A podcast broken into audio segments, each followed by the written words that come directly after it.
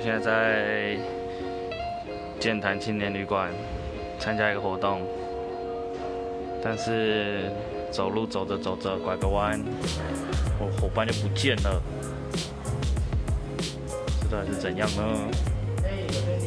他们消失在神秘的空间中了，所以是我现在可以偷懒的意思吗？那我就要偷懒了，拜拜。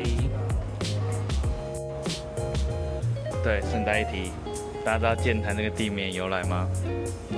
相传当年郑成功走着走着来到这个地方，有个湖里面一个大怪鱼，他看了不爽，心情不好，就直接把他剑插下去，那鱼就爆了。